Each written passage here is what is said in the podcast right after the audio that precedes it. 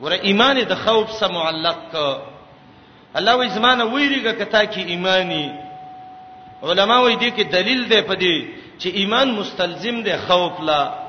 که یو سړی دا غي ایمان د سې چې د الله نه نه یریږي دا ایمان معتبر نه دی د الله نه بډیر یریږي د الله نه ډیر امید ساتي د الله سبا دې ډیر مینه ای الیمان بین الخوف والرجاء ایمان دا دوه شی نه دي دته د ایمان وزري وای چې د الله نه به امیدم ساتي کنه امید شوی دهری کیږي او د الله نه به یریږي مکه د الله نه نه یریږي به کافر کیږي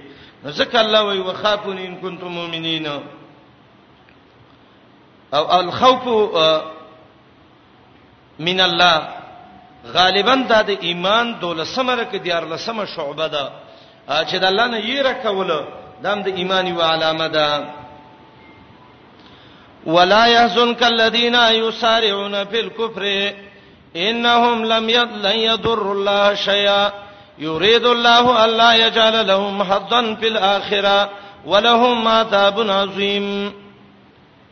ولا يحزنك حزن معنی دا حزن څه شي ته وایي خپل معنی د حزن د غم او خپه کېدلو معنی دا د پیغمبر تعالی د خپنه کی دلته یو سوال راځي هغه دا دی چې دا حزن او خپګان دا خو یو غیر اختیاري شی دی نبی علیہ السلام به بالکل خپه کېدو حدیث کې دی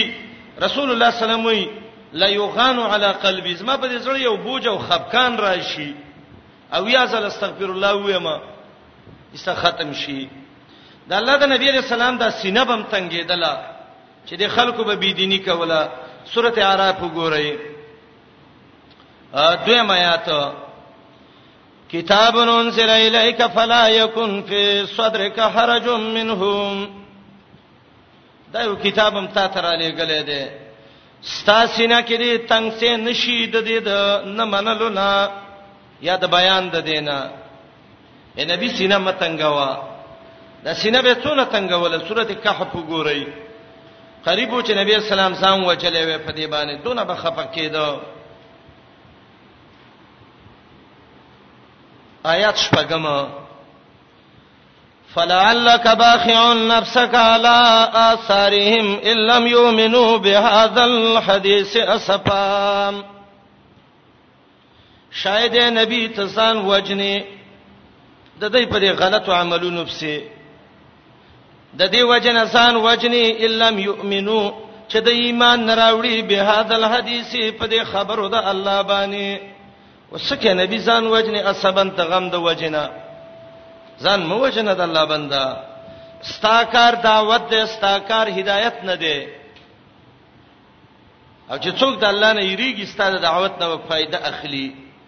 نو سره شی وګورئ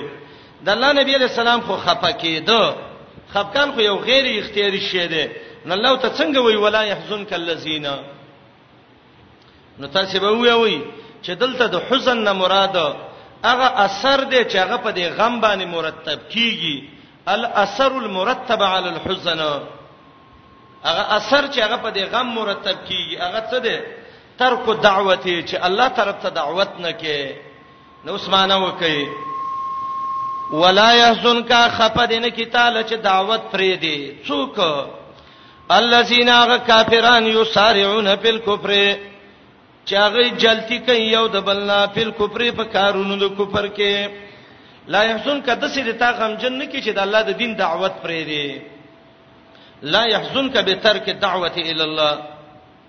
او دا الذين يسارعون في الكفر یا منافقان دي او یا يهودين دي الکه دای کفر کوي کې دې شي د الله دین وران کی کې دې شي قران ختم کی پیغمبر ختم کی د الله د نبی قانون د دنیا نه ورکی الله وینا انهم لن يضر الله شيئا یقینا دای چاري zarar نشي رسول الله ته هیڅ الله ته به zarar ورسي لن يضر الله يومنا الله ته zarar نشي رسول او دویمه معنی لن يضر دین الله د الله دین ته zarar نشي رسول او دا کار چې وک چې کوپر یې وک الله ول دوه سزاګانی ذکر کړي یو د دبه جنت کې سې نه او دویم دله به عذاب لوی یرید الله غواړي الله الله یجعل چونه ګرځي لهم دیل حسن حساب الاخرته په جنت کې اخرت نه جنت مراد ده تلک الدار الاخره الاخرتی سا اکثر جنت مرادی کې دویمه معنی غواړي الله چې ونه ګرځي دی لا یو د صحیح سچ عزت په برابر شي حساب یې د ورنا لیکن د صحیح سول الله نه ګرځي چې د په عزت برابر شي په آخرت کې ولهم عذاب عظیم او دی له عذاب ډیر لوی لوی کو پرې کړي الله ولوی عذاب ور کوي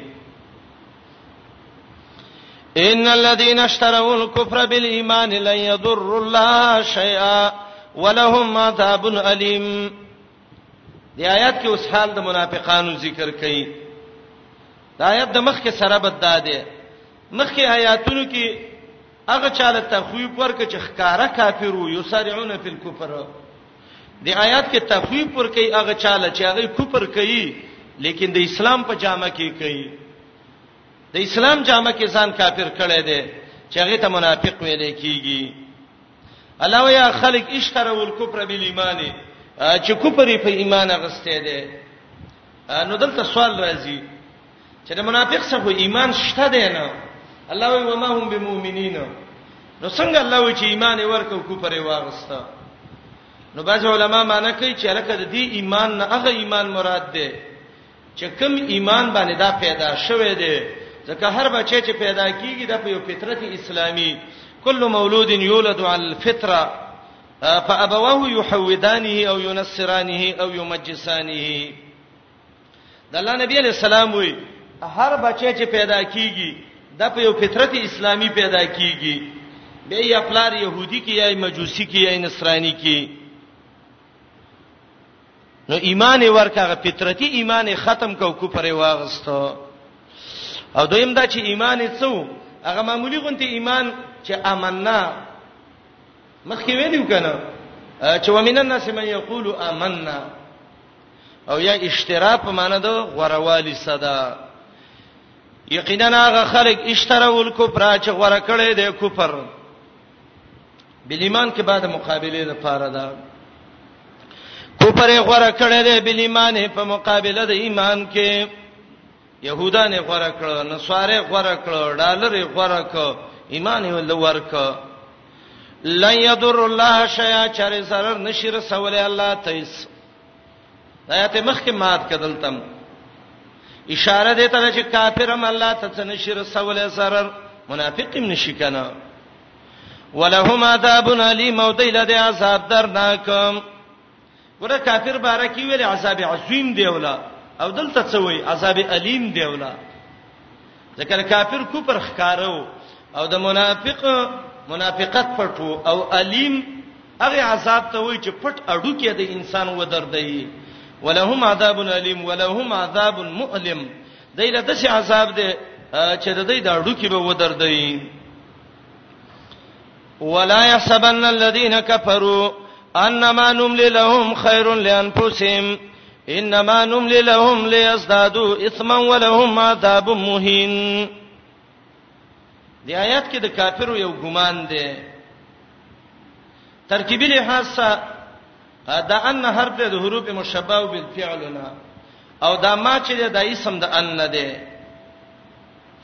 او دا نملی لهم خیرن دا خیرون دا خبر دی چا د پاره د دغه ان د پاره ان سره د اسم او د خبر نه دا ټوله جمله چې راواله دا قائم د په مقام د دوه مفعولانو د حسبه چې لا يحسبن نه دی ولا يحسبن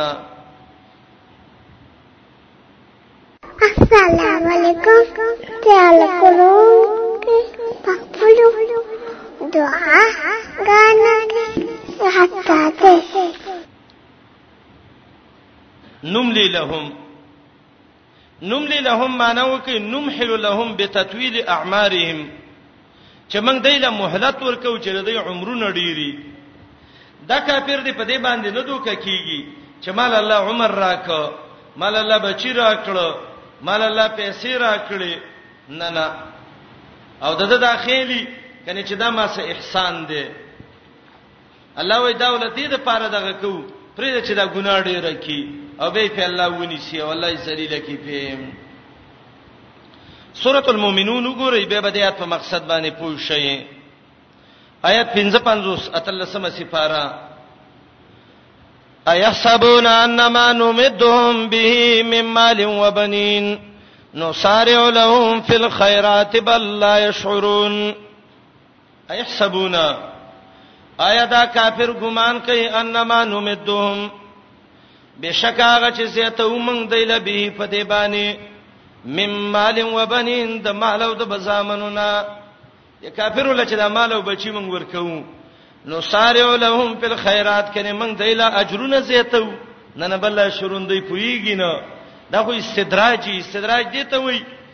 یو سړی به دینی کوي او الله په دا نعمتونه ډېرې ابتلا بالنعم والنقم است الله ونی سیو په دې بل طرف کې تاریخ لیکي وای د فرعون دا دونه حکومت تیر شوو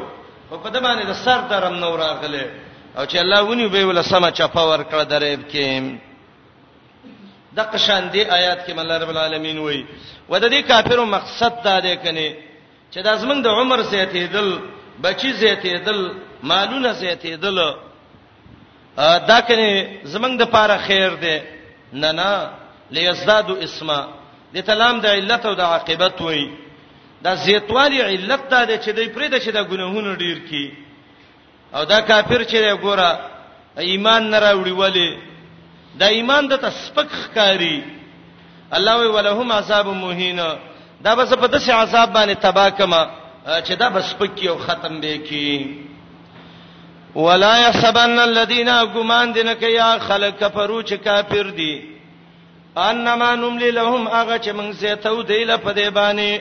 د بچو او د مالونو د دینه خیر لانفسهم کنه دا غره د دې د نفسونو د پاره انما یقینا نملی لهم من مهلت ورکو زیتو دیلا لیزدادو د دې د پاره چې زیات کی اسمن ګنا پرې چې ګنا ډیر کی به بد الله مخله ورشي ایمان نه راوړي ولی ایمان او تسبق ښکاری الله وی ولهم عذاب مهین دی لدی عذاب سپکونکې دسی عذاب باندې به الله وسی چې سپک به کی مهین متعدیم دی دی بس پکی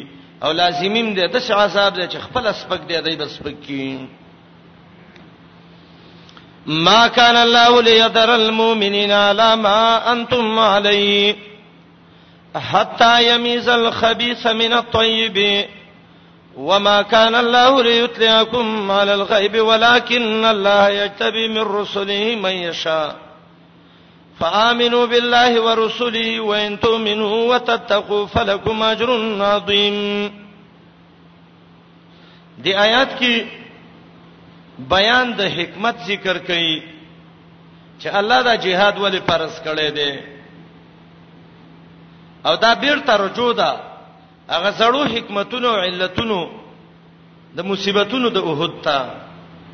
منځ کې بس ختم شبه زړه خبره شو دا مؤمنان الله رب العالمین ولی کمزوري کړ په احد کې الله د دې وجه ذکر کوي دا د دې لپاره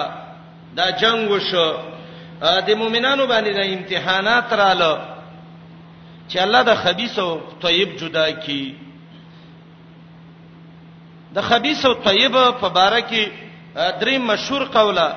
ابن عادل دمشقي اللباب کې ذکر کړی دی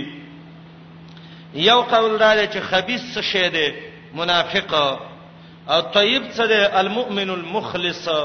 خالص مؤمن ور الله نه غواړي چې د سیګارډ ورټ پاتې شي الله به دا امتحانونه راولي تر هغه پورې چې منافقان د پاک مؤمنان نه نه جدا شوي منافق نن یو شي کې تختیدل سبا بل کې بل ورځ بل کې استبا الله دا مجلس د مؤمنانو د منافقان نه خلاص کی حتا یمیز الخبیث یمیز المنافق الخبیث من الطيب من المؤمن المخلص دا یو معنی ده دویمه معنی د خبيث نه ګناهونه مراد دي او د طيب نه مراد مؤمن دی او د يميزه معنی د يهود ته حت ویل کیږي رجولو ته او دا اصل کې علت د ما سبقه د پاره دی نو عثمانه وکي دا مصیبتونه الله را وستل ولي دا به الله را ولي حتی تر دې یمیزا چې الله ورجی الخبيثه دا ګناهونه من الطيب دا پاک مؤمنانو نه مصیبت راځي الله به ګناه لري کوي یمیز به په معنی د یحتو څه شي ابن عادل دمشقي وایي او معنی به د آیات دا شي الله د امتحانونو مصیبتونو راولي تر هغه پوري چې دا ګناهونه الله د پاک موحدینو نه څخه او د دې صحابهونو الله ورجي حتا يحط المعاصي من المؤمن الطيب او دریم دا دی خبيث څه شی دی کفر او شرک طيب څه دی اسلام نو معنا بدایي دا امتحانونه الله براولي دا جنگونه براولي تر دې چې الله دا مسلمانانو او کافران دا اسلامی قانون او کفري قانون د یو بل نه جدا کی او د خلته مزاري نه چې اسلام او کفر دای څه ګډوډ جمع کړي دا درې معنی علما کوي دلته یو سوال راځي سوال د څه دی چې جنگونو کې خمړی کیږي جنگونو کې هتاوانونه کیږي جنگونو کې خزي کونډي کیږي بچی تیمانان کیږي عزت لوټ کیږي او جنگونه چې شروع شي نو په ملک کې آبادې نه خرابيږي د الله مقصد خدای دی چې دا منافق او مسلمان جدا شي نو الله دې پیغمبر ته د سی وای چې پیغمبر د پلانې منافق پلانې پلانې پلانې پلانې پلانې مؤمن دی نو جنگ ته به څه ضرورت راشي تمیز به دغه سی وشي کنه نو الله جواب کوي وما كان الله ليطلعكم على الغيب نه دی الله چې په غیب باندې خبر کی غیب څه شی دی امام ابن کثیر وایي تمیز د مؤمن د منافق نه امام ابن جریر وایي غیب څه دی معرفت المؤمن من الكافر والمنافق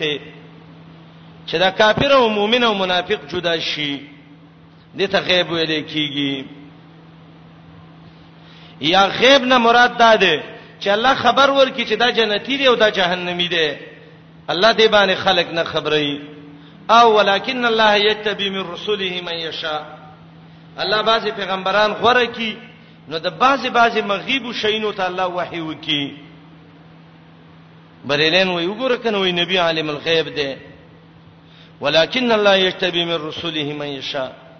الله باز پیغمبران غوړه کوي نبی الله ته وحی وکي هغه معنی کوي الله باز رسولان غره کی نو الله عالم الغیب کی دته تحریف په قران کې وایي کچیرته د سیمه نه د سوره ال عمران نه روسته څونه سوراتونه نازل شوې دي به د دې نزول ته څه ضرورت وو خو الله به نبی علیہ السلام بس عالم الغیب کړي وي او د دې ارڅ نه به خبر کړي وي او د دې نه روسته توبه نازله شوې ده نور سوراتونه دي الله تعالی می خي چې دا منافق دی دا منافق دی دا منافق دی تفسیر سراج المنیر کې خطیب شربینی وای او تفسیر خازن وای چې معنی د آیات دا نه ده کله چې نبی عالم الغیب دی معنی د آیات دا ده یجتبی من رسله فیوها الیه ببعض المغیبات الله پیغمبر غره کی د باز غایب شینو ته الله وحی وکي وته وای دا منافق دی دا منافق دی دا منافق دی څلور اسباب د کامیابی ایمان بالله یو ایمان بالرسول دوا تقوا درې او ایمان بالکتب وبالرسل وبالملائکه دا وین تؤمنو دای بیره مات کړي دي اول کې ایمان بالله بالرسل دي او د رستنی کې ایمان په نورو آسماني کتابونو باندې دغه باندې دا مؤمن به یو باندې یا دا وین تؤمنو دا شرط دی او فلکم اجر عظیم دا د دې لپاره جزاء ده الکه کې ایمان او تقوا د کړهاله الله به ډیر لوی اجر دل درکې ما کان الله آیات کې حکمت ده د فرضیت د جهاد الله بیان کړی دی ما کان الله لیسر المؤمنین معنی ما کان الله یرید لیسر المؤمنین نه دی الله چې وغواړي چې پرې د مؤمنان علامان تم علیه پاغه حال چې تاسو پی وي چې منافق او کافر ګډ وړي حتا یمیز الخبیث تر دې چې جدا کی هغه پلیت منافق من طیبه د پاک مؤمن او موحدنا دویمه معنا الله امتحان کوي هغه پورې به کوي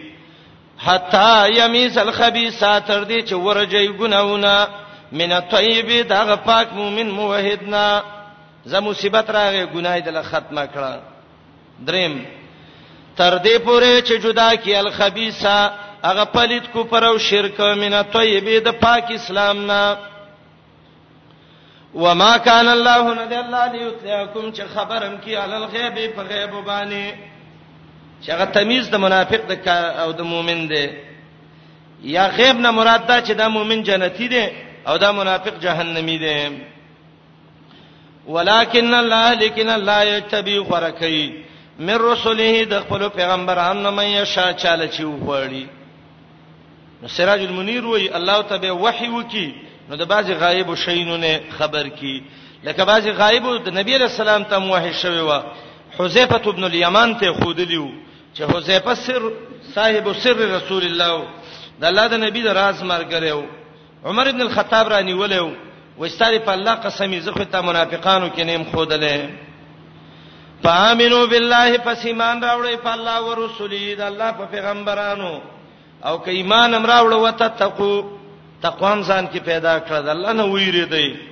فلکم اجر عظیم تاسو له ډیر لوی اجر الله بډې عظیم اجر درکې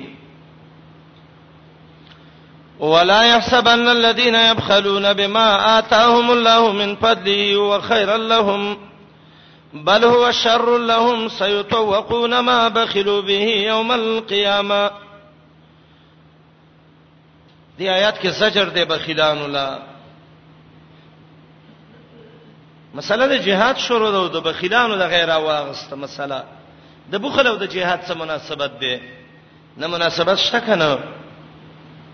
بخل چې کله ډیر شي نو کله کله سړی کې د منافقت ماده پیدا کوي ورمال وسده جهاد کې نه لګي مال وسده د الله دین باندې نه لګي نو الله زورن اور کوي دی بخیلانو لا هغه خلک دې ګمان نه کوي چې الله ولکم فضل ورکړی دی فضل څه دی علما وی الفضل فضلان دو فضل دي د الله فضل العلم او فضل المال الله لچا الله رب العالمین چا علم ورکو هغه په دې بوخل نه کوي چې دا علم څنګه چاته وخېما نه نه واما بنعمت ربک فحدث د الله دې نعمت باندې بیان وک خلکو ته خلک به راځي ته پوسونه بنه کوي و مسائل فلا تنهر سوال کوونکې ونرټي ګوره مشکل سبب مخامخ شي الله وي کم خلک چې بخل کوي پاغه مال چې الله ول ور کړی دی نو دا د خیر نه کوي کني چې دا مال مال د خیر سبب دی دا د شر دی او الله به ول غاړه ته واچي سيطوقون تطويق دي ته وي چې یو شی د چا د غاړې نه چا پیر کې او حدیث کې د دې تفصیل راغلی دی نبی علیہ السلام وی کم سړی چې د خپل مال نه زکات نه ور کوي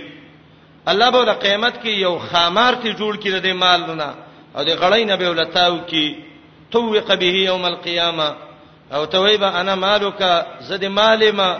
وانا کنزک زده خزانیم چې زکات ته نور کولم وانا شجاع الاقرا زنن یو ډیر بهادر گنجه خمارې ما او طالب ټک در کوما دا بخل ولې دا خلک کوي وای د دې لپاره بخل کوي چې سبب کړه مال زولګوم نو بچو ته به میراث کې څه پاتې شي نو الله ورپسې وایي ولله میراث السماوات والارض د زمکه اسمان کې چې څونه خلق دي دا به ټول مړ کیږي او دا ټول شی نه به الله ته پاتې کیږي او د مړو مال چې پاتې شي هغه ته میراث وایي او دویمه معنی دا ده ټول خلک چې اسمانونو او زمکو کې نو دا به یوم پاتې نشي دا ټول مال مال به د سی وګرځي لکه دا چې مال د میراثي باید دا چې سړی له الله مال ورکړي د دې زکات ورکي او زکات چې نه ورکي نه ورکولې لا درکې نار کا بنو حنیفه صرف بیت المال لا نه ورکو بخاری کتاب قتال المرتدین کې د ابوبکر هغه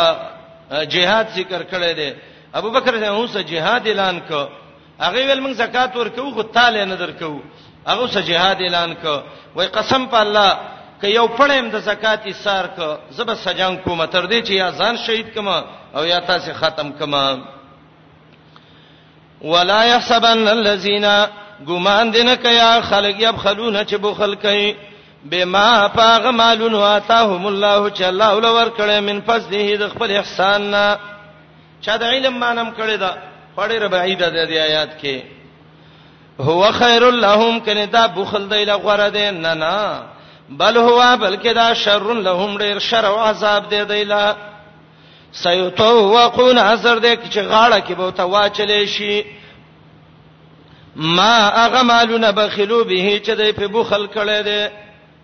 کله به ته غاړه ته واچل شي یوم القیامه پر ورځ د قیامت کې الکه مال نه لګوم ولی بچی به می څو خوري و سبب دې بچیم تی مړی ولله خاص د الله د پاره میراث السماوات والارض آیات کې دوه معنی دي یو معنی دا د مړی مال ته میراث وای نو معنی دا ده په مخ د زمکه چې څونه مخلوق دی دا یو بم پاتې نشي دی ټولو مال مړو مال به الله ته پاتې شي او دویم دا میراث یو ته په دې بنا ویلې چې ټول خلک کله مړ شونو مال وګرځي د کل میراث ځکه تعبیر ته په میراث وکا خاص د الله لپاره دې میراث د اسمانونو د زمکو دا ټول مالونه د اسمانونو د زمکه به الله ته پاتې والله بما تعملون خبير الله پاک څه چې تاسو کوم عمل کوئ ډېر خبردار دی الله دې ارسینی نبی رسول الله وی وای دا بنده وای چې مالی مالی زما مال دې زما مال دې دا د صرف درې مال دی کې ما کلا پاپنا چې وی خړو ختمه ک و مال بسا پابلا چې وی وستو زوړې ک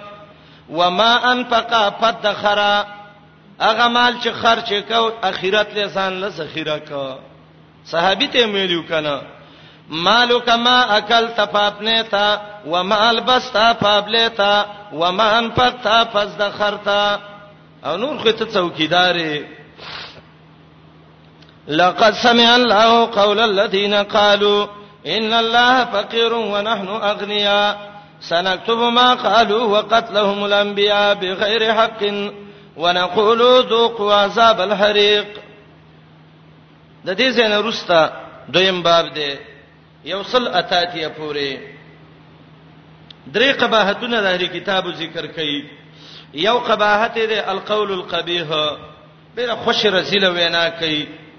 دا په دې آیات چې لقد سمع الله او دویم قباحت دې ال انکار عن اتباع الرسول د پیغمبر خبره نه مانی به دلیل الکاذب یو د دروغ دلیل ځان له جوړ کړي دي الذين قالوا ان الله عهد الينا دغه آیات کې او دریم کتمانهم للآیات د الله آیاتونه پټ کړی دی ګوره دین پټای دون سالمان دی وایذا خذ الله میثاق الذین اوتوا الكتاب او بهبا په دې مین مینس کې د باب ترغیب جهاد او ترغیب انفاق په سبیل الله لور کې لقد سمع الله دا اولنۍ خبره ده دا الزجر لهم بقولهم القبيح خوش وینای کوله غلطه وینای کوله او د دې آیات د مخکې سم مناسبت ده ده الله وی الله ته دا مالونه ولی غاړه کې چي د خلک ولی د څه خبيسان دي او د خلکو له ولی د څه عذاب دي ګور الله وی د څه یو خوش وینا کوي نو څوک چې د څه وینا کوي د عذاب پکاري د يهودانو به ویلې خبره څه ناشنا ظالمانه خبره کوله وای الله غریب شوه دی مشران برا پاتېدل او د کشرانو ته به دا خبره کوله علما وای تلبیسا علی الضعفاء دای په دې کشرانو باندې دا د پیغمبر نه دا حق ګډوډو کشران به را جمع کړو راځي یو مشوره کوو څنګه مشوره ده راځي یو د دین خبره تکو نو کشرانو به ویل چې دا خو مشران دي او دا خو د الله د لارې نه خبر دي او دای موږ ته غلطه لار نه خي بعضی مشری بی دینه مشری ائمه الکفر چوته وای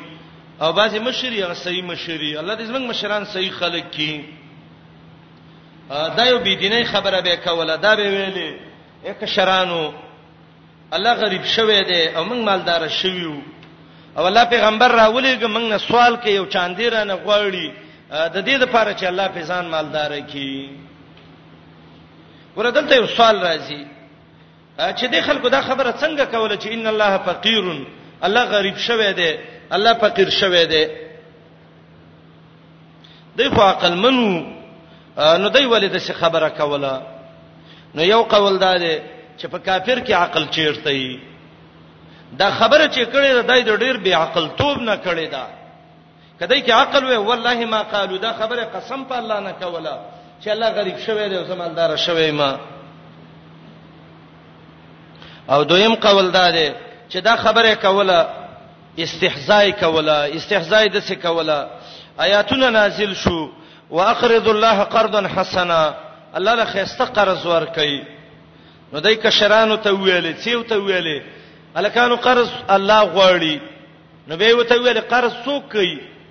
وای هغه څوک یې کوي چې غریب شي نو الله غریب شو نو دا پیغمبر راغلی نه و غریب الله له چاندې کوي دلته وسل عیاذ بالله ان الله فقیر و نحن اغنیا او دویم دا ده چې د يهودو بي دینو یو خبره کړې و د عقیده و چې الله غریب دی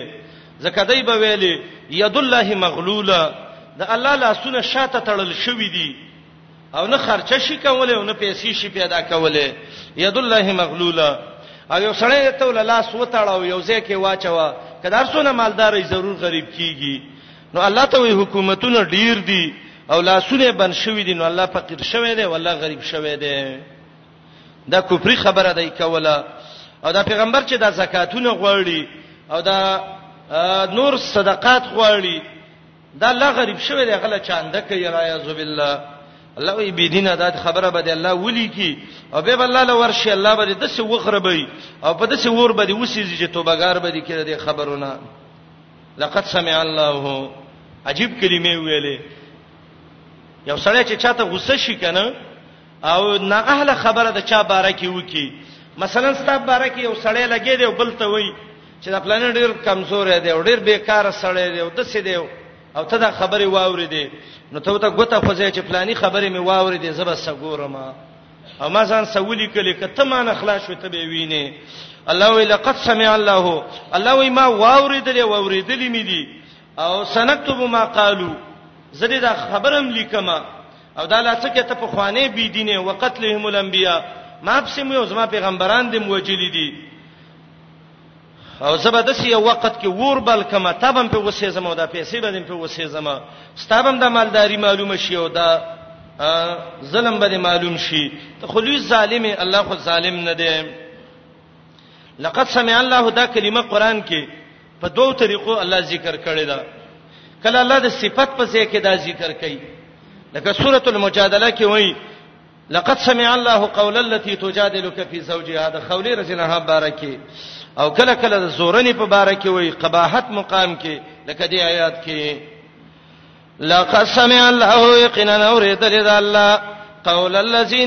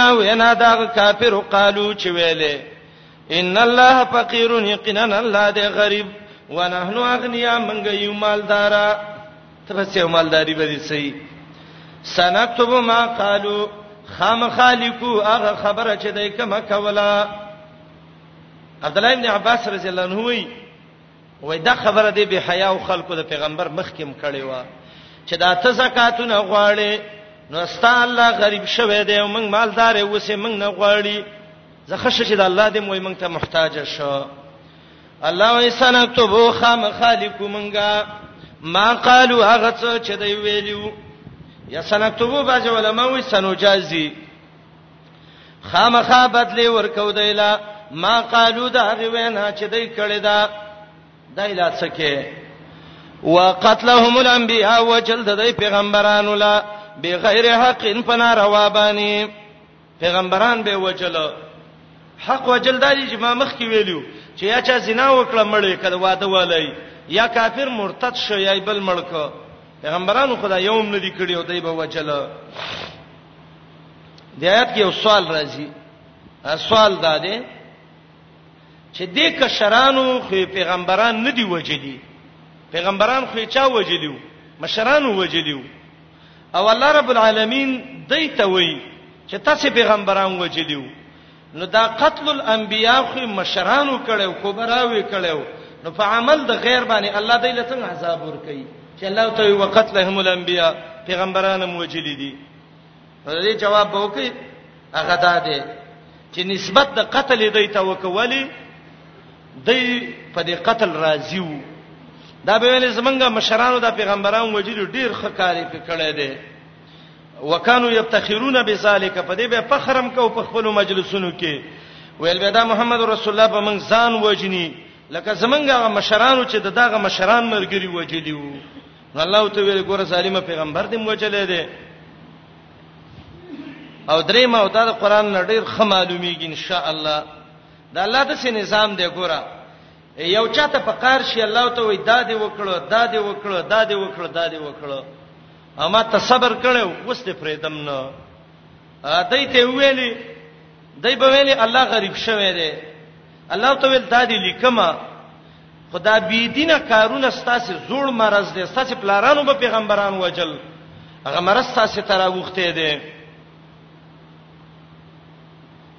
امام شعبی رحمه الله مخکې یو سړی راغی او دا خبره وکړه چې دا وسونه جنو چې وجلې دای ډیر خکړی دي بد نه دی کړي امام شعبی ته وایي شریک ته په دمه د عثمان د یینې توې کولو کې تم شریک شوې اغه له چې څونه سزا الله ورکړي طالب هم الله دا نه درکې ځکه ته په ګناه باندې راضي شوې نو پلارانو پیغمبران وجلی خدای په خوشاله وو او د بل په ګناه چې خوشاله شو پوره ګناه کې هغه نستام کیږي وقتلهم الانبیاء وجل د پیغمبرانو لا بغیر حق فناجه سبانه او ناروا باندې ونقول قیامت کې به ویو دیتا دا قول یا د الله دی یا د ملائکو دی ذوقوا وتقوا طول عذاب الحريق عذاب دا غور چې هغه سوزون کې دی عذاب الحریق عذاب النار الحریق دا عذاب الله ولی ور کوي ورپه وری سیزي ولی سیزي الله جواب کوي ذالک د عذاب ولور کوي بما قدمت ایدیکم په سبب دا غي ګناهونو چې مخکې لګلی ستاسو لاسونو وای دا وګوره دای باندې ظلمي وای نه وان الله ليس بظلام للعبيد الله نه ده هیڅ ظلم کوونکې په هیڅ یو بنده باندې ظلم مبالغي صيغه ده نو څه معنی الله ډیر ظلم نه کوي نو معنی لږ ظلم کوي ورسول الله خو مبالغه ده کنه الله ډیر ظلم نه کوي معنی دا چې لږ ظلم کوي نو الله خو اصل ظلم نه کوي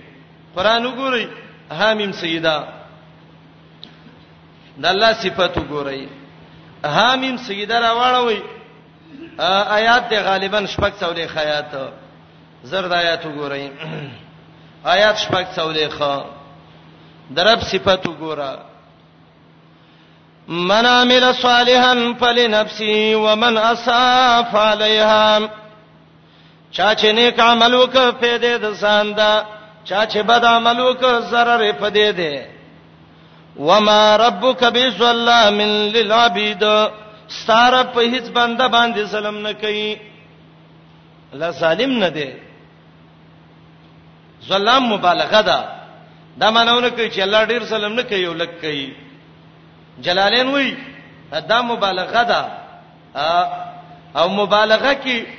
معنی دا ده الله ډیر سلام نه کینو چې ډیر نه کینو لک خو په طریقې اولا نه کوي چې ډیر د سړی وس کی یو نه کوي نو لک خو په طریقې اولا باندې نه کوي او باج علماء وایي دته فاعل د زو کذا وایي معنی دا ده وان الله بشک الله له سند بظلام للعبید معنی بيزي ظلم للعبید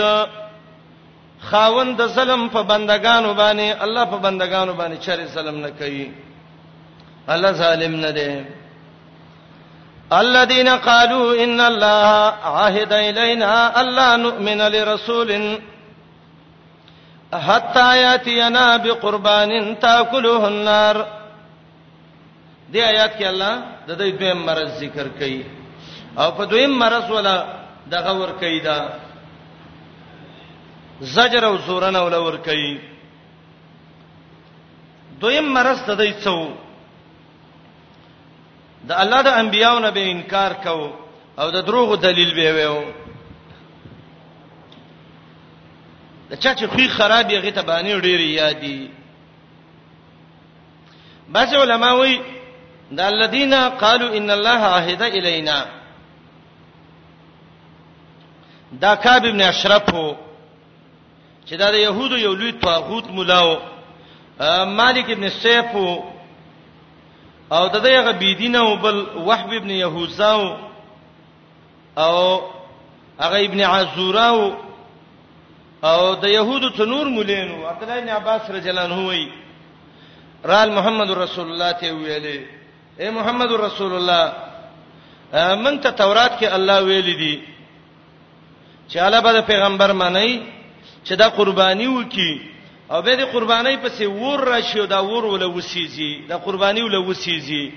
نو شابه ته قرباني وکه ور راول چې وسیږي موږ به وینو به به موږ تابانه سو کو ایمان راوړو او دا به ول دا موږ صلی الله تورات کې وعده کړی دا الله ته جواب کوي تاسو کوم ځای کې د خلک وای نور پیغمبران د دینه مخ کې راغلیو دلایل موسو قرباني به ورم سیزله نو تاسو دا غي تکذیب کړي نو زما خو په طریقې اولا باندې کوي سیده دا خبره مې لمنلې وي په غزمانه مخ کې نور پیغمبران چې راغلیو او دا غي په قرباني په سبا ور راته او سیزله به ولنو تاسو هغه پیغمبران نو ولې انکار کوئ وبالذي قلتم او راتګ کړو په هغه علامه چې تاسو ویلیو نو فلم قتلتموهم ولم وجلیو بینات وسو ستاسو دا خبره وسو او بهم تاسو وجلیو نو معلومیږي د تاسو زدین وي عنادین وي تاسو کې د حق طلب نشته دي او مفسرین وي دوه قول ذکر کوي یو قول دا دی چې دا دی خلکو د ځان نه دا جوړ کړیو تورات کې دا الله نه ویلي چې د نبی ایمان به په نبی باندې اله معتبر کوي اله به په پیغمبر ایمان راوړي چې هغه قرباني راوړي ووري وسیږي دا تورات کې نه وو او دویم قول دا دی چې تورات کې وو خدای په کې تحریب کړو تورات کې د سی وو چې تاسو له یو پیغمبر راغې د بنی اسرائیلو نه اذا جاءكم رسول من بني اسرائيل فلا تؤمنوا به حتى تاتيكم بقربان تاكله النار نو دایته بني اسرائيل لپس کټ کو نو ویل اذا جاءكم رسول چې مطلق پیغمبر دلراغه نو ایمان به په هغه پورې نه راوړي چې قرباني راوړي ووري وسیږي د الله خبره دی ته ورانه ول څه دي تحریب خود دی زوړ مرز ده او دویم قول دا ده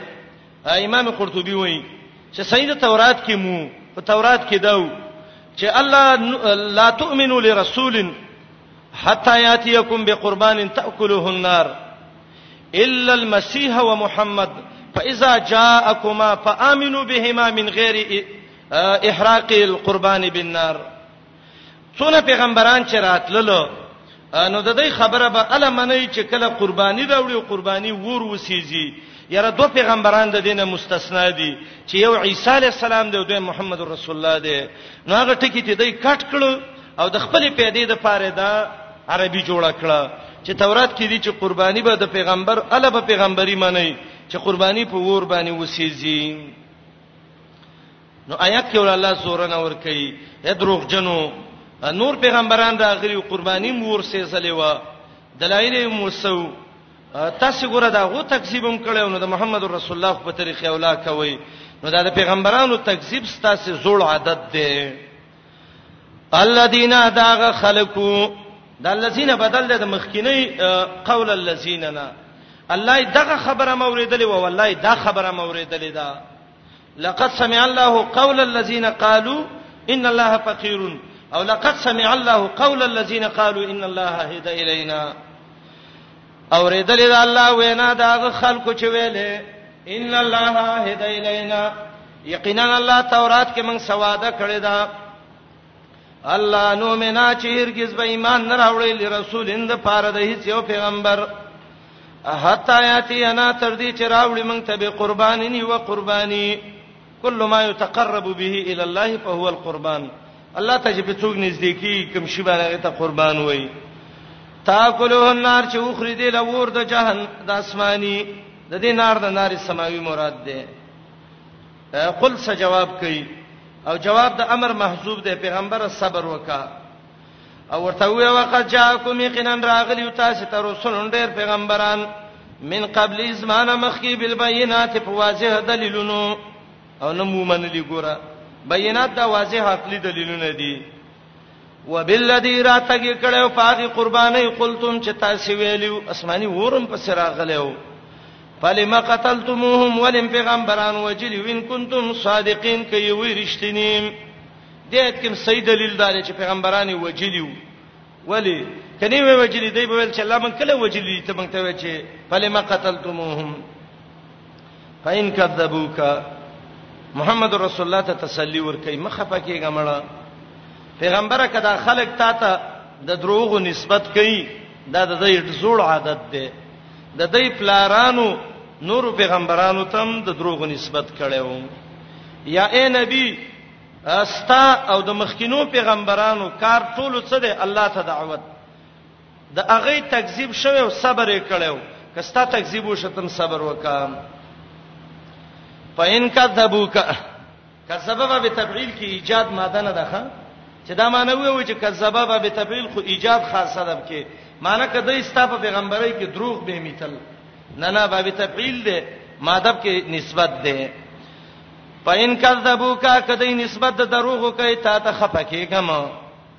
دا د سلار دا فقد کذبا یقینا نسبت د دروغ شوی او رسولون ډیرو پیغمبرانو ته من قبل کستانه مخکي هغه صبر کړي او تم صبر کوا جاءوا غیرات کړیو بالبينات په واضح دلیلونو والزبر او په اسماني لیکل شو صحیفو باندې والکتاب المنیر او کتاب رڼا کونکي حق لا بینات عقلی دلیلونو زبر نقلی دلیلونو او کتاب المنیر وحی دلیلونه او بینات راوړي او عوام لا او زبر راوړي او سات الناس لا او کتاب المنیر راوړي هغه خاص خلق لا جاو راتګه کړو بل بینات په واضح دلیلونو و زبر او په صحیفو لیکل شو اسمانیو باندې والکتاب او راتګه کړو په هغه جنسي کتاب المنیر چې غرنا کوونکې او په حق باندې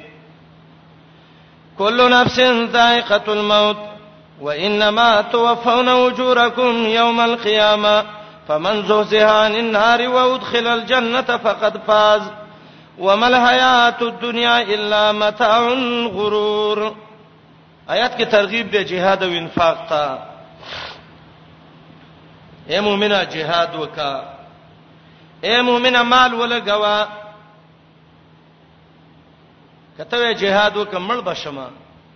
الله وی کم شی چې د سا والا دی هغه به یو ځل د مرګ چکی کله نفس ذائقه الموت نفس د سا والا ته وی او ذائقه ویلې یو خدای نه چې یو شی څوک سکی نو هغه کې مشواله نه وي نو دې کې اشاره دې ته چې دا مرګ څکل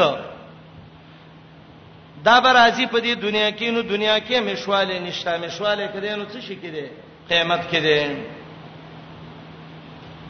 او ګره لفظ د کلوې پر راوړو منطقین وای کلوې سور د موجبي کلیه ده عموم پیدا کوي معنی دا ده چې هر د سا والا یو ځل به مرګ څکی څکه به کوي کنه به څکه عامه ده ښا خلک ګړم څکی او مرچکیم څکی د مرچکی څکه ترخی کې د ګړې ها د ګړې خوګی کنه دغه شان مؤمنان بندا مرګ وڅکی کافر به موڅکی څنګه به وڅکی حدیث کې دی مؤمن ته د ځنکدن سخت به الله د سکی او دا د مرګ لکه یو ځغه چې خپکه ما چې زکام چې وای کافر چې دی د دنه روح به څنګه وځي الله هم دې وساتي دي عیسی علی السلام ویلو کشاتن تسلخو بيد القصاب حیا لکه یو ګډ چې قصاب ودرولې او په ژوندینې ته دا څرمن راکاږي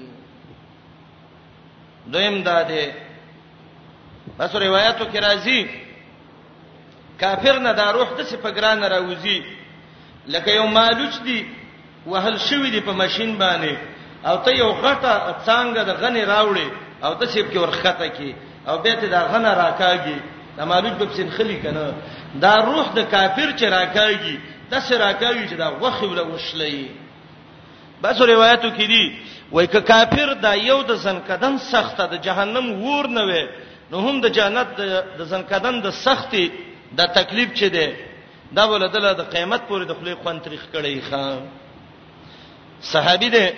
هغه صحابي دي چې دا غنو عمرو ابن العاص رضی الله عنه نبی له سلام د باره کې ویلو وای اسلم الناس و امن عمر خلق اسلام راوړی دی او عمر د زړه نه ایمان قبول کړی دی وکانه من دوهات العرب عربو کې ډېر زړه ور سړیو د عمرو ابن العاص شو ایولس کلنۍ کې د واده کړو او کله چې ایولس کلنۍ کې واده وکړ نو دولس کلنۍ کې الله ول زوی ورک عبد الله دا مشهور صحابي دی عبد الله ابن عمرو ابن العاص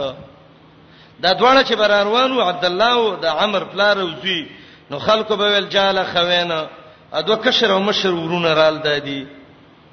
ا ابه په دغه چې وو چې کله دویشتم کال د د عمر شو نو د زوی عمر یې ولسمو نو عبد الله له مواده وکړه نو چې درشتم کال ش الله عبد الله لم زوی ورک نو علما وی دا درش کال نه کې نیکه ګرځیدلې ده عمرو بن العاص رضی الله عنه عمرو بن العاص به خپل زوی ته ویل ډیر حساب د خيسته خبرې به وسه کولې وته ویل اسما زویا زما یې ورمان ده عبد الله ته ویل پلار وې وڅار مان دي دي ویلای تر رجلن عاقلا یو خیر سړی وي او زنکدنی وي او دا غل سي هوش برابر وي او ماته تپوس کړي وي چې وروره د زنکدن کې سخت ډيري دي او کلګي دي سړی مېرمانو خو پیدا مینه ک کله چې د عمرو بن العاص زنکدن شروع شو دا زوی وته را وړاندې شو وته وی ویل پلاره الا انی رایت الرجل العاقل هغه عقل من سړی ما ویل ده تانو لیدل ما ویل ده وای څوک دی وته ویل پلاره ته خراته وی چې حالات څنګه دي هغه ته وی بچی زما دی پر رب قسمی یو خو سړی ته دا سوچي چې اوس به جدا کیږم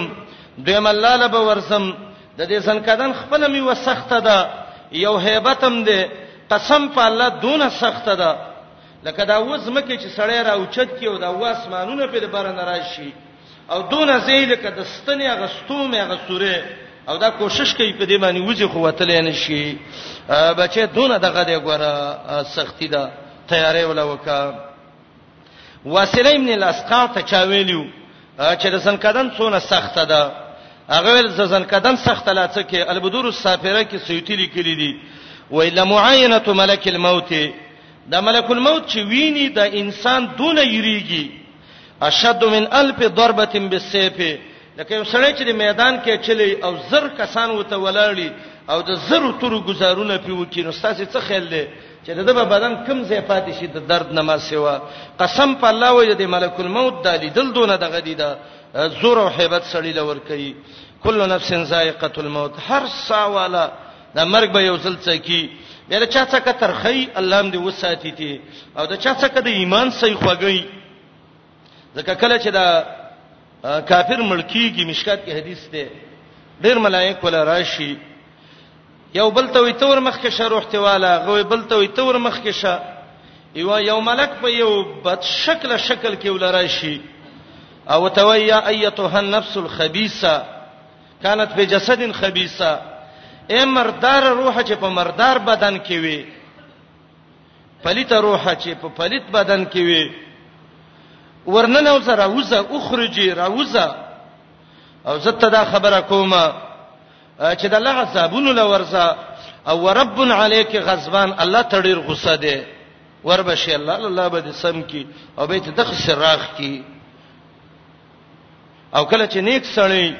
ډیر ملائک راشي مد بصره د د نظر د مناسب چې څونه نظر یې لګي وتکینی خسته ملک یو وای زور زم بل وای زور زم دا ملائکه ته وای یا ایتها النفس الطیبه كانت في جسد طیبه یا پاک روح چې په پاک بدن کې وي ادخلي الى روح و ریحان راځه را وځه او نن اوس هغه نعمتونو او رزقونو کې ورب علیک غیر غضبان الله د ته غصه نه دی الله نه سم خوشاله دی راځه الله دې موږ دې مستاق وګرځي کل نفس ذائقه الموت هر ساواله یو ځل به د مرګ څکی علما وایي که یو دوه کسان یو قسم وکړه یو ول زماري په الله قسمي مرګ یقیني دی ابل ول زماري په الله قسمي چې یقیني نه دی وای دوړه حانس نه دی ولی نه دی حانس مرګ یقیني دی په دې معنی چې په هر چا راځي او یقیني نه دی په دې معنی چې دا پته نه لګي چې چا مرګ مخ کې دی او چا روسته دی امنګ ناس ته دې ځکه دا چاته پته ده چې دا به مخ کې مري او دا به روسته اکثر د باجی بډاګانو بډاګان خپل زړونه پدی وخوري یره وې ملکی ګوال د ځوان او د بوډا او د ماشوم د تاج د جنازې خو ډېری نه واړم پکې بوډاګانم پکې نیکونه ژوند یو نسیم لشي د رب نظام دی الله هر چاله یو مقدار خودلې ده او الله وی چې کله مړ شوي هر چاله به پوره اجر ورکړي شي د مؤمن اجر جنت د کافر اجر جهنم او د الله قانون دی چې جهنم نه څوک خلاص شدا سړی کامیاب دی او جنت ته داخل شو او د جنت نه مانع څه شی دی الحیات الدنیا دا د دنیا خوندونه خلک یې منی کړی دي کله نفس نه هر ساوالا سائقه الموت سکون کې د مرګ دی و انما توفون یقینا پورا بدر کړی شي تاسو ته اجورکم ثوابونه د استاسه پم یوم القیامه فورز د قیامت کې فمن زهزهان النار څوک چې خلاص شد ورنه و ادخل الجنه او ننو استیش جنت ته فقد فاز یقینا دا سړی کامیاب شو کامیاب شو په کامیابی سره ډېر نمبر هغه چا واغسته چې جنتی شو ومل حیات الدنیا نه ده دا چون دنیوي الا متاع الغرور مگر څه کده دوکې د خلک دوکه کړی دي تشریح په تبلیغ لا تبلون خامخ امتحان بکې دې شي په تاسو فی اموالکم فمالون استاسکم وانفسکم او په نفسون استاسکم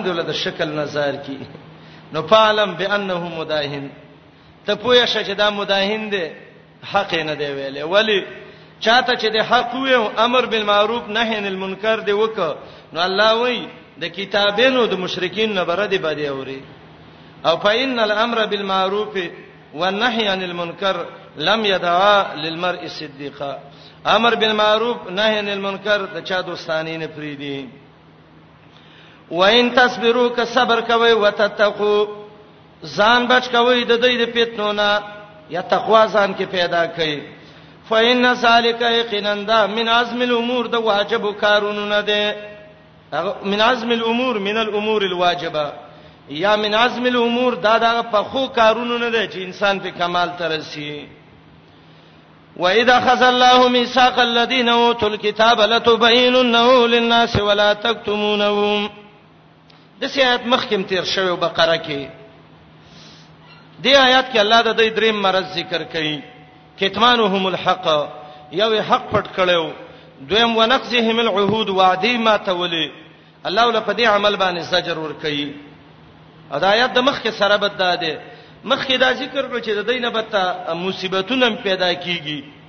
دلته دا وی ګوره دونه لوی مصیبت وګوره چې د الله د نبی صفت د دې په کتاب کې دی او دې پټ کړی دی یاد کا وخت چې هغه ستو الله میثاق الذین په خواده د خلقونه او تل کتابه چې ورکړې شوی ول کتاب وعده سوا لتبیننه خامخ خبه واضح بیانوي د حق له صفت د پیغمبر لناس خلقو ته ولا تکتمونه پټوي بینه فنبذوه ما تکړه ودی دی واده له خرڅولې و ورا ظهورهم رسته د شاګانو د دینه سفیان ثوری وای آیات اگر کړ يهودو بارکه دي لیکن حکم عام دی هر هغه چاله چې هغه حق پټ کړي واشترا وغستی وی به د دې په مقابله کې سمنن قلیلا دنیا لگا پیسې لګي دنیا متاع دنیا قلیل